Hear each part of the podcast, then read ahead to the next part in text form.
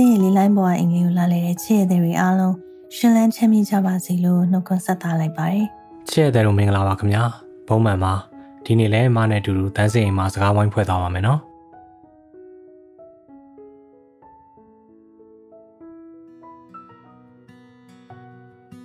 ချစ်တို့ဒီနေ့ဟာဆရာနာရှင်စန့်ကျင်454ရက်မြောက်တဲ့နေ့ပါ တော်လရင်တက်ဦးမှာခုချိန်ထိမမမမရက်နေပြီးတဲ့ရဲဘော်တွေအားလုံးထောက်ဖို့တက်တာအားလုံးကိုကျေးဇူးတင်ဂုဏ်ယူပါတယ်လို့ရင်ဆုံးပြောပြရစီနော်ချစ်ရတဲ့တို့ရေကျွန်တော်တို့တော်လိုင်းရစုဖွဲ့တစ်ခုလူတစုရဲ့ကိုကြိုးအတွက်မဟုတ်ဘဲနဲ့စူပါနဲ့တွားနေတာမို့လို့အခုလိုအကြာကြီးတိုက်ပွဲဝင်နိုင်နေတာပါနော်ဒါကိုအဆုံးထိအချိန်မပြတ်ထိန်းသွားဖို့အင်မတန်အရေးကြီးပါတယ်ဟုတ်တယ်ဘုံမိုင်ကိုပခုံးပေါ်ရောက်နေတဲ့တော်လှန်ရေးတာဝန်ပေါ်ကိုသစ္စာရှိရှိနဲ့ဒီဇိုင်းမမတ်ဆက်လုပ်ကြမယ် ဒုတိယကမ္ဘာစစ်အတွင်းကနာဇီဂျာမနီတွေကိုအနိုင်တိုက်နိုင်ခဲ့တဲ့ Britain ဝန်ကြီးချုပ် Winston Churchill ပြောခဲ့တဲ့စကားလိုပေါ့နော် Success is not final failure is not fatal it is the courage to continue that counts အောင်မြင်မှုဆိုတိုင်းခရီးဆုံးမဟုတ်တယ်လို့ကြာရှုံးတိုင်းလဲတေလောက်တဲ့အရာမဟုတ်ဘူးအရေးကြီးတာကရှေ့ဆက်ရတဲ့တတ်တည်ပဲတန်စင်းတို့အားလုံးအဲ့ဒီလိုတတ်တည်နေရှေ့ဆက်ကြမယ်နော် ဒါမှလည်းကျွန်တော်တို့ဘိုးဘွားတွေကနေစပြီးအခုချိန်ထိခါးစီခံနေရတဲ့ဆရာနာရှင်စနစ်ဆိုးကြီးကိုနောက်မျိုးဆက်အထိလက်ဆက်မကမ်းမီမှာကျွန်တော်တို့တွေပါဝင်နိုင်တဲ့ကဏ္ဍဘယ်ကဏ္ဍမဆိုကြီးတယ်သေးတယ်မတွေးဘဲနဲ့နိုင်အောင်ဝင်ကိုအတူတူထမ်းကြမယ်နော်ဟွန်းခုနကဘုံမှန်ပြောသလိုပဲဒါဟာအားလုံးရဲ့တိုက်ပွဲဖြစ်လို့ကိုဘယ်နာကပဲပါပါ ကိုစီတန်ဖိုးကိုသိပြီးတော့ကိုတာဝန်ကိုကိုကျင်ရင်ရလက်ကောင်းကောင်းရမှာပဲရှေးတုန်းကတိုက်ပွဲနဲ့ဥပမာပေးရမယ်ဆိုရင်တက်ဦးကစစ်သူရဲ့ဦးဆောင်မှုနဲ့စင်တရဲမြင်းတရဲတွေတိုက်ရခိုက်ရကောင်းဖို့ဆိုတာလိုအပ်တယ်လို့တိုက်စင်တွေရဲ့ခြေထောက်ကိုကာကွယ်ရတဲ့စင်ကြီးကုန်းစစ်တီတယောက်ချင်းစီရဲ့တာဝန်ကျမှုကလည်းစစ်ပွဲတစ်ပွဲရဲ့အဖြစ်ပေါ်အများကြီးအကျိုးသက်ရောက်မှုရှိရလေဟုတ်တယ်နော်ငါကတော့စင်ကြီးကိုဖုံးတဲ့အဖုံးကြီးကိုပဲကာကွယ်ရတာပါဆိုပြီးတော့ပေါ့ပေါ့တန်တန်လှုပ်လိုက်လို့ရှင်တိုက်စင်တစ်ကောင်လုံးကျသွားနိုင်တယ် နောက်ပြီးတော့တက်ဦးကလူတွေနဲ့ဒီလိုနေရာစုံကပါနေတဲ့ရဲဘော်တွေကအပြန်အလှန်တံမိုးထားလေးစားတာကလည်းတိုက်ပွဲအတွက်အင်အားတစ်ခုပါပဲ။ကိုင်းချွတ်မိကျွန်းကိုင်းမိပေါ့။တန်စင်တို့ရဲ့နေဦးတော်လိုင်းရင်မှလည်းဒီလိုအင်အားတွေတွေ့နေရတယ်။ဒါကြောင့်လည်းတန်စင်တို့အတွက်ရလာကောင်းတဲ့တစားနဲ့တစားမြင်လာနေကြရတာလေ။ပြည်သူ့ကာကွယ်ရေးတပ်တွေစိုးမိုးထားတဲ့နေမြေတွေလည်းများလာနေပြီ။စိုးမိုးနေမြေတွေများလာတယ်ဆိုလို့တခုတည်းရတယ်သိလား။အခုလိုမျိုးများလာလို့စေအုပ်စုဝင်မိသားစုတွေတောင်မှလူတစ်ထောင်ကျော်လောက်နေပြီးတော့ပြောင်းပြေးပြီးနေကြတယ်ဆိုတဲ့သတင်းကြားလိုက်သေးလားမ။ ကြားလိုက်တာဗောတည်င်းထဲမှာတော့လေစစ်ကောင်စီဘက်ကအကြများတာရဲ့တပ်စခန်းတွေမှာဆက်မနေရဲတော့တာရဲ့စစ်အုပ်စုနဲ့ဆက်နွယ်နေတဲ့သူတွေအသက်ခံရတာတွေရှိနေလို့စစ်တပ်ကမိသားစုတွေစိုးရင်ကြောင်းလန့်ပြီးနေပြည်တော်ပြောင်းနေကြတယ်လို့ပြောထားတယ်။မအဲ့တဲ့ရင်ကြတော့တွေးမိတာရှိရသေးလား။ဘာတွေးမိတာလဲမရဲ့။အော်သူတို့ဘဝအကြောင်းတွေးပြီးတော့တန်ဝေကရမိတာပါ။စကားစခေါင်းဆောင်တွေကသူတို့ရဲ့စင်ကြေပုံစစ်တီတွေကိုလုံးဝတံမိုးထားတာမှမဟုတ်တာ။ ကိုပြည်သူတွေကိုကိုပြန်နှိပ်စက်တပ်ဖြတ်မတင်းခြင်းပြီးရွာလုံးကျွတ်မီရှို့တာလိုမျိုးမတရားတဲ့အလုပ်ကိုအမိန့်နဲ့ခိုင်းနေလေအောက်ကစစ်သားတွေကအမိန့်လိုက်နာခြင်းတော့လိုက်လုပ်တယ်အတ္တစိတ်အမှောင်ဖုံးပြီးတော့မယူရဲပြီးလိုက်လုပ်တယ်ဒီတော့မိသားစုတွေဘာဖြစ်လဲမျိုးရဲရွာတဲ့လူအတိုင်းဝိုင်းထဲမှာစစ်တပ်မိသားစုပါဆိုပြီးမျက်နှာမပြရအောင်အနေကျုံလာတယ်လေမလုံခြုံတော့ဘူးလို့တွေးလာတယ်အဲ့ဒီမှာပဲတကယ်လို့ယောက်ျားသေးလို့တက်ကပေးတဲ့အိမ်ကဆင်းပေးလိုက်ရရင်တော့မျိုးရဲရွာတဲ့ပြန်သွားနေဖို့ခက်ပြီး အလုပ်လုပ်စားဖို့လည်းမလွယ်တော့ဘူးဒီတော့နေပြည်တော်ဆိုရင်တော့ငါတို့လူလူတွေအများကြီးပဲနေမှာအဲ့ဒီမှာဆိုရင်တော့ငါတို့ဝင်ဆက်လို့ရနိုင်ကောင်းရဲ့ငါတို့အတွက်နေလို့ခြောင်ကောင်းရဲ့လို့တွေးပြီးသွားနေကြတာနေမှာဘလောက်မျက်နှာငယ်ရတဲ့ဖြစ်လဲစကားစားစစ်သားမိသားစုဝင်တွေဘွားတကယ်ကိုအကြက်ရိုက်နေတဲ့အခြေအနေနော်ပြောမယ်သာပြောရတာပါတကယ်ကယာရုကြီးကြီးယူပြီးပြင်ဆင်ယူသွားတဲ့စစ်မှုရန်အောင်တွေအထိစစ်တပ်နဲ့ဆက်နွယ်မှုတဲ့သူတွေတိုင်းအဲ့လိုဖြစ်နေပြီတချို့ဆိုမနေ့ကလေးကရန်ကုန်မှာအိမ်ကိုထားပြီးတော့ပြောင်းပြေးကြတာ ဟုတ်တယ်လေအာနာမတ်တဲ့ဗိုလ်ချုပ်တွေရဲ့လုပ်ရကြောင်းတနွေငင်းဒစင်ပါဖြစ်ရတာတဖြည်းဖြည်းနဲ့တက်နဲ့ပတ်သက်တဲ့လူရန်စားတစ်ခုလုံးဘဲသွားသွားလူတော်တဲ့ဝင်ဆန့်လို့မရတဲ့ဘဝဖြစ်လာတော့မှဒါနဲ့ဘုံမှန်သိလားအရင်တော့ဆိုရင်လေအငိမ့်စားယူပြီးရင်တော့မှနာမည်ရေးရတဲ့နေရာတိုင်းမှာဘိုးကြီးဘဲသူဘုံမှန်းကြီးဘဲဝါဆိုပြီးတော့ရေးလေးရှိရလေအခုဆိုတော့မျိုးသိမမြင်ရတော့ဘူးအာတူပါဖိတ်တဲ့ရက်တောင်ကစမိသားစုအလှကပီးထိုးတာတွေအစုံမလီတက်ကဆိုတာကိုမသိအောင် ဦးတို့ကိုတို့ဆိုပြီးတော့ဖြစ်လာပြီ Facebook ပေါ်မှာတော့မှစစ်ဝတ်စုံတဲ့ပုံတွေမတင်ရဲကြတော့ဘူးလေဟွန်းကို့အကောင့်ကိုမသုံးရဲကြတော့ဘူးလေကျွန်တော်လည်းအဲ့ဒါကိုသတိထားမိတယ်ဒီလိုမျိုးဖုံးထားဖိထားတဲ့သူတွေရှောင်ပုန်းနေတဲ့သူတွေကဒီအချိန်ကြီးကိုရှက်အောင်ကောင်းမှန်းတင်ငယ်အောင်ကောင်းမှန်းတည်သေးလို့တော်သေးတယ်ပြောရမှာပဲနော်အခုချိန်ဒီမျက်စိကြီးစုံမိတ်ပြီးတော့မိုက်တွင်းဆက်ပြီးတော့နှက်ဆက်ပြီးတော့မော်ကြွားနေတဲ့သူတွေကိုတော့ဘယ်လိုပြောအမှန်တော့မသိပါဘူးမရဲ့အချိန်တိုင်းမှန်တဲ့ဘက်မှာရက်မလားမရက်မိဘူးလား တမိုင်းကနေအဆုံးဖြတ်ပေးလိမ့်မယ်လို့တွေးရမှာပဲနော်ဟွန်းဒါပဲရှိတာပဲမိုက်တွင်းနေတဲ့သူတွေကတော့ညနေညနေမျိုးစုံသုံးလို့ကိုမပြီးသေးတာအခုနေပြည်တော်ထွက်ပြေးရတဲ့စစ်အုပ်စုမိသားစုဝင်လူကြီးတထောင်ကျော်ကိုတိုက်ပွဲရှောင်ယာယီရွှေ့ပြောင်းနေထိုင်ရသူများလို့ကောင်းစင်တက်ပြီးတော့ကုလသမဂ္ဂအေဂျင်စီတခုစီမှာအကူအညီတောင်းထားတယ်လို့လည်းပြောရမလားအဲ့ဒါဆက်ပြီးတော့မိုက်တွင်းနေနေတဲ့သူတွေကသူတို့ကြောင့်ပဲအခက်တွေ့နေတဲ့သူတွေကိုအသုံးချဖို့ညံစင်တာလို့ပဲမြင်တယ်ဘလို့စင်တာလဲရင်မှ စကားစားသူတို့လောက်ရက်တွေကိုဖုံးဖိပြီးတော့ NUG နဲ့ PDF တွေကိုအကြမ်းဖက်တွေပါဆိုပြီးအတင်းပုံဖော်ဖို့လုပ်နေတာမဟုတ်လားပြည်ထဲမှာတော့သူတို့အကြောင်းနောကြည့်နေကြတော့ဒီလိုသွားရှောင်ရတဲ့သူတွေကစကိုင်းတို့ချင်းတို့ဘက်ကနေပြီးမဟုတ်ပဲဘာဖြစ်လို့နေပြည်တော်ကိုပြေးရတယ်လဲဆိုတဲ့အကြောင်းရင်းကိုသိကြတယ်လေဒါပေမဲ့ကုလသမဂ္ဂလိုမျိုးနိုင်ငံတကာအဖွဲ့အစည်းတွေစီကိုစီးရင်တင်နေဆိုတာက ဒါဟာသူတို့မတရားအာဏာသိမ်းနိုင်ရဲ့အကျိုးဆက်မဟုတ်ဘူးဟိုဘက်ကလည်းလက်နက်ကင်လာလို့အကြမ်းဖက်ရက်ဆက်ကြလို့ပါသူတို့ဘက်ကအပြစ်မဲ့လူတွေလည်းမြေစာပင်ဖြစ်ကြရတာပါပဲသူတို့ဘက်မှာလည်းခံနေရတယ်တူတူပဲဆိုပြီးတော့နိုင်ငံတကာကိုအယူခံဝင်တဲ့ပုံစံမျိုးလေ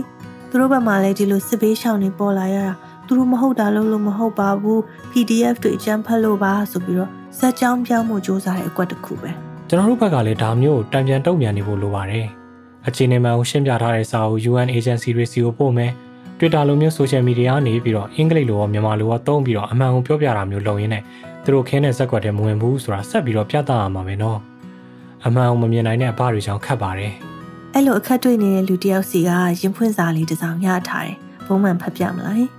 ဟုတ်ကဲ့မသူ့ကိုယ်သူကန်ဆိုးသူလို့နာမည်ဝှက်ပေးထားပါလားနားထောင်ကြည့်ပါနော်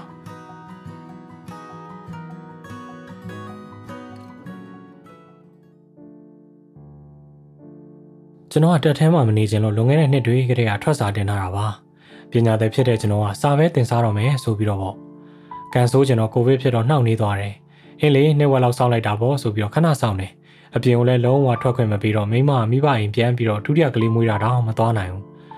ကိုဗစ်ကတ်ကအခြေအနေကောင်းမလားကောင်းမလားစောင့်နေနေကလေးကတနည်းနီးပါးရှိတဲ့အထိမတွေ့ရသေးတဲ့အချိန်မှာနိုင်ငံရေးအပြောင်းလဲတွေဖြစ်တယ်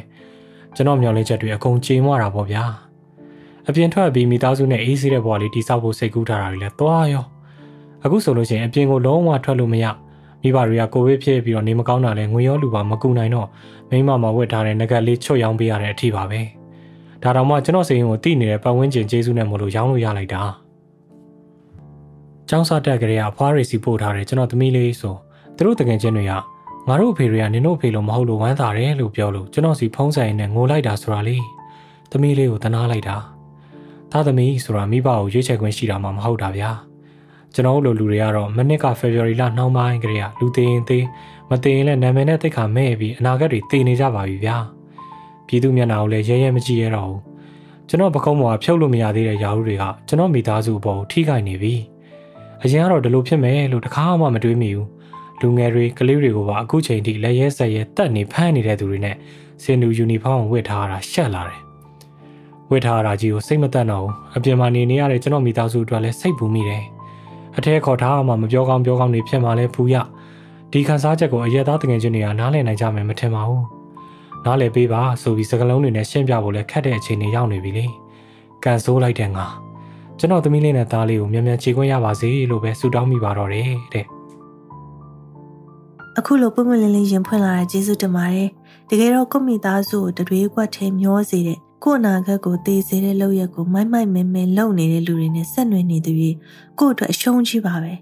ကန်ဆိုးတယ်ဆိုပြီးဆူတောင်းနေုံနဲ့မပေးဘူးလေစိုးနေတဲ့ကံကိုအလုံးနဲ့ပြောင်းမှကောင်းလာမယ်ဘဝနဲ့အနာဂတ်ကိုအတိတ်ပဲရှိရှိနဲ့ရှင်းတန်ခွင့်ရဖို့တမရဲ့လင်းတဲ့အချမ်းမှာယက်တီဖို့ရွေးချယ်နိုင်ပါစေလို့တန်စင်တို့ကမေတ္တာအင်အားပို့ပေးလိုက်ပါတယ်ရှင်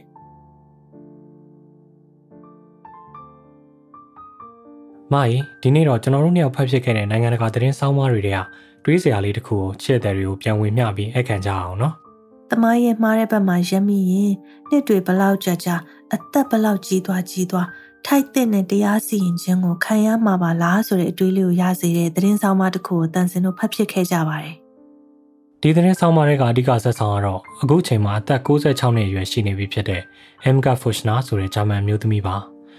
သူကအသက်16နှစ်မှာလက်ရှိပိုလန်နိုင်ငံဂဒိုင်းစ်မြို့နာကစတူဖ်တော့မှာရှိတဲ့ဂျာမန်ချွေးတဲ့စကန်ကကိုကဲရေးမှုရုံမှာလက်နှိပ်ဆက်ရေးသူနဲ့စာစီစာရဲ့အလုပ်ကိုလုပ်ခဲ့ပါတယ်။သူအဲ့ဒီမှာလှုပ်လှုပ်နေခဲ့တဲ့1943ခုနှစ်ဂျွန်လကနေ1945ခုနှစ်ဧပြီလအတွင်းမှာနာဇီတွေကအဲ့ဒီချွေးတဲ့စခန်းမှာရှိတဲ့ဂျူးလူမျိုးအကျဉ်းသားတွေကိုစနစ်တကျတုတ်တင်တပ်ဖြတ်တဲ့နေရာမှာသူကကူညီပေးခဲ့တယ်ဆိုတဲ့တန်တရားနဲ့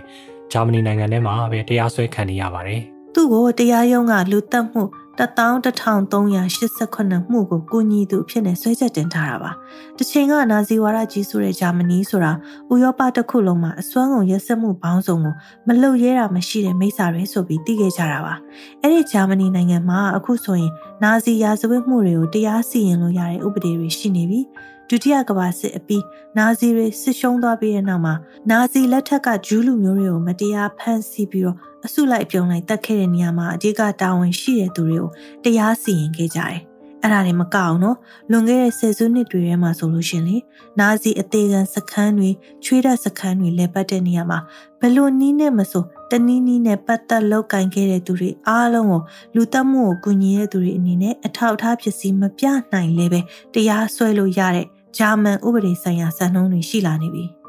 Fuchsner ကတော့ပြစ်မှုကျူးလွန်တဲ့အချိန်မှာဆယ်ကျော်သက်ဖြစ်နေလို့အသက်66နှစ်မှာမှလူငယ်တရားရုံးမှာအမှုရင်ဆိုင်နေရတာပါ။သူမကနှစ်ပေါင်းများစွာအတွင်းမှာနာဇီရာဇဝတ်မှုနဲ့တရားစွဲခံရတဲ့ပထမဦးဆုံးအမျိုးသမီးပါ။ဘဝနေဝင်ချိန်ရောက်မှဒီလိုတရားစွဲခံရပေမဲ့ Fuchsner ကသူ့မှာအပြစ်ရှိတယ်လို့ဝန်မခံဘဲနဲ့တင်းခံနေပါတယ်။တရားစွဲခံရတော့လဲသူနေနေတဲ့လူရုံကနေနေပြီးထွက်ပြေးလို့ရဲတွေကဝရမ်းထုတ်ပြီးလိုက်ပြီးဖမ်းရပါသေးတယ်။တရခွန်ထဲရောက်သွားတော့လေသူကအချင်းစခန်းအပြင်ဘက်ကရုံခန်းမှာပဲအလုပ်လုပ်နေခဲ့လို့ အစုလိုက်ပြုံလိုက်တက်ဖြတ်ခံရတာတွေသူမသိပါဘူးသူနဲ့မဆိုင်ဘူးလို့ညင်းနေပါသေးတယ်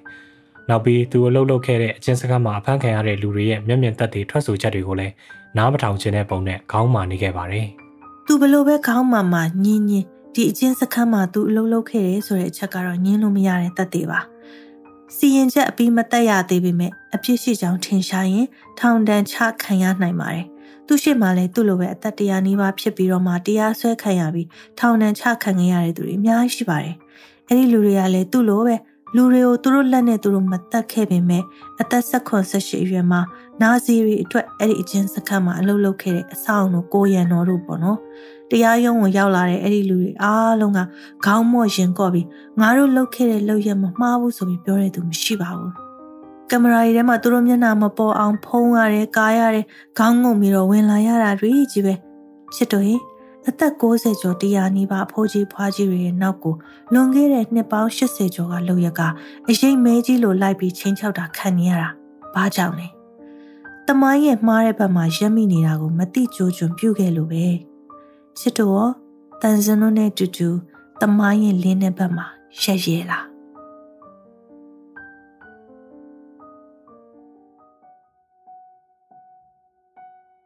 ကဲခုနောက်ဆုံးအနေနဲ့စာရေးဆရာဒေါက်တာဖြိုးတီဟာပို့လာပြီးတဲ့ဘလူးကိုတက်ဆိုးရှည်စေခဲ့သူများဆိုတဲ့အတန်ဆောင်းပါးတို့လေးကိုနားထောင်ကြည့်အောင်နော်23ရက်4လ2022မှာအကြံဖတ်စစ်တပ်ကမီးရှို့သွားတဲ့ချောင်းဦးအင်းမကျေးရွာကတပ်ပုံလေးကိုကြည်ရင်လည်းနားထောင်ပါလို့ဆရာဖြိုးတီဟာမှာထားပါတယ်ဘလူးကိုတက်ဆိုးရှည်စေခဲ့သူများ ကျွန်တော်တို့ရဲ့ຫນွေဥတော်လှန်ရေးသည်မြန်မာနိုင်ငံသူနိုင်ငံသားအားလုံးနဲ့သက်ဆိုင်တဲ့ကိစ္စရပ်ဖြစ်ပါတယ်ကျွန်တော်တို့အားလုံးရဲ့အနာဂတ်ပေါ်မှာအသက်ရောက်မှုကြီးကြီးမားမားရှိတဲ့ဖြစ်အဖြစ်ပြက်ကြီးဖြစ်တယ်ပေါ့နော်ဒီအတွက်ကျွန်တော်တို့အားလုံးကိုယ်နဲ့မဆိုင်သလိုမနေဘဲနဲ့ပါဝင်ကူညီကြပါတော်လှန်ရေးထဲမှာငွေကူကြပါအဲကလစ်လုပ်ကြပါတတိနည်းနဲ့ပေါ့နော်ကိုကူညီညီနိုင်တဲ့နေရာကနေကူညီကြပါဆိုပြီးတော့ပြောတဲ့အခါမှာတချို့တွေကပြန်တုံ့ပြန်ကြပါတယ်ပါဏာတိပါတာကန်ထိုက်မှာဆိုလို့မကူညီဘူးပေါ့နော်ဆိုတော့အဲ့တော့ဘာသာရေးအဆုံးအမကိုအပေါ်ရန်လောက်နားလေပြီးတော့အဲ့လိုတွေပြောနေကြတာအတော်တော့အခက်ပါတယ်အဲ့တော့တော်လန်ရေးဒီမှတ်ပါတယ်လူအသက်တွေနဲ့ဆက်ဆက်သလားဆိုဆက်ဆက်တယ်ဒါနှစ်ဖက်စလုံးမှာဒါတေးချပျက်စီးရတဲ့သူတွေနေ့စဉ်နဲ့အများရှိနေတယ်ပေါ့နော်အဲ့တော့အဲ့လိုမျိုးဟိုဘက်ဒီဘယ်ဘက်မှာပဲရက်ရက်ပေါ့နော်အကျန်းဖက်စစ်အုပ်စုဘက်မှာပဲရက်ရက်ဒီဘက်တော်လန်ရေးအဖွဲ့အစည်းတွေဘက်မှာပဲရက်ရက်ပြည်သူနဲ့ပဲတသားတဲ့ရက်တီရက်တီပေါ့နော်လူအသက်တွေနဲ့ကတော့ပတ်သက်ဆက်ဆက်နေရတာပဲဒါဖြင့်အဲ့လိုမျိုးပါဏာတိပါတာကန်နဲ့မပတ်သက်ချင်လို့ပါဏာတိပါတာကန်မထိုက်ချင်လို့နော်ဒီဖြစ်စဉ်ကြီးထဲမှာမပါမပါဝင်ခြင်းလို့ဆိုပြီးတော့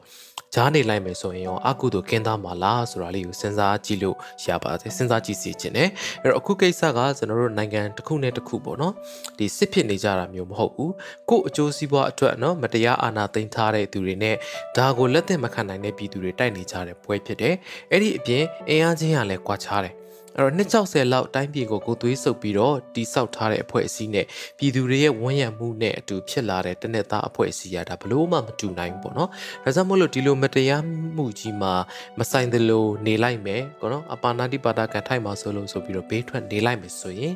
ဒါဒီအားကြီးတဲ့သူကိုအနိုင်ကျင့်ခွင့်ပေးလိုက်တာ ਨੇ အတူတူပဲအဲ့တော့ပါဏာတိပါဒကံတော့မထိုက်တော့ဘူးသို့တော်လည်းအခုဒီအကြံဖက်စစ်အုပ်စုကနေလှုပ်ဆောင်နေတဲ့နော်မတရားတပ်ဖြတ်မှုတွေအာဓမပြုချင်မှုတွေရွာလုံးကျွတ်မီးရှို့တဲ့ကိစ္စတွေမှာနော်ဒီကိုကတွဲပွားသောအဖြစ်အပြစ်ရှိနေတယ်ဆိုတာလေးကိုတော့သိစေချင်တယ်ဘာဖြစ်လို့လဲဆိုတော့ဘလူးကိုသက်ဆိုးရှည်စေခဲ့လို့ဖြစ်ပါတယ်အဲ့တော့အခုချိန်မှာစစ်ကောင်စီရဲ့ရန်တရားမှာဝင်ရောက်ပြီးတော့မှအလုပ်လုပ်နေကြတဲ့ non city ရဲ့ဝန်ထမ်းတွေလည်းတုံနီးတူတူပါပဲနော်ဆိုတော့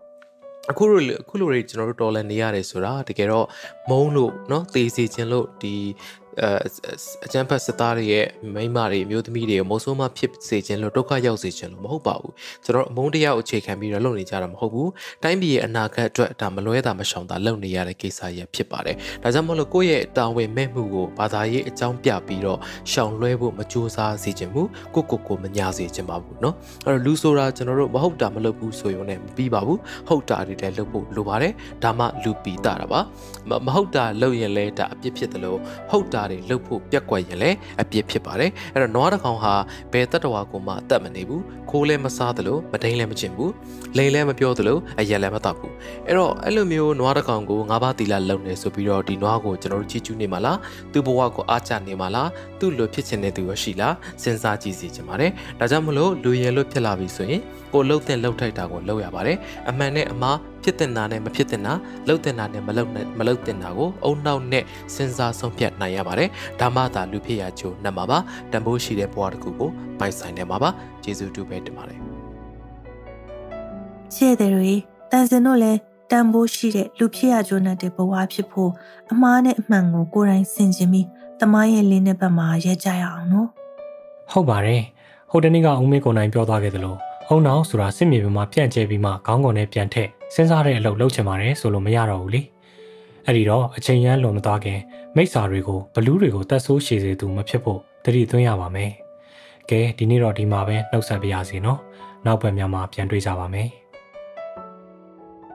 စနေနေ့ထိဆောင်ရင်းနဲ့တန်စင်တို့လွမ်းနေရတော့မှာဆိုရင်လွင်ပြီးသားတန်စင်ရင်စီစဉ်တွေကို Facebook, Apple Podcast, Google Podcast, Anchor, Spotify တို့လို podcast application တွေမှာတောင်းတထောင်လို့ရပါတယ်။ ဘမဖြစ်ဖြစ်တန်စင်အိမ်ဆိုပြီးတော့မြန်မာလိုရေးထည့်ပြီးရှာရင်တွေ့ရမှာပါ။တန်စင်စီကိုရင်ဖွင့်ခြင်းတဲ့စကားတွေရှိရင်တော့တန်စင်အိမ်ရဲ့ Facebook စာမျက်နှာကိုလာလည်ပြီးတော့ Messenger ကနေပို့လိုက်နော်။ပြန်မဆုံးနိုင်သေးခင်အများကြီးမလွမ်းချင်နော်။တတား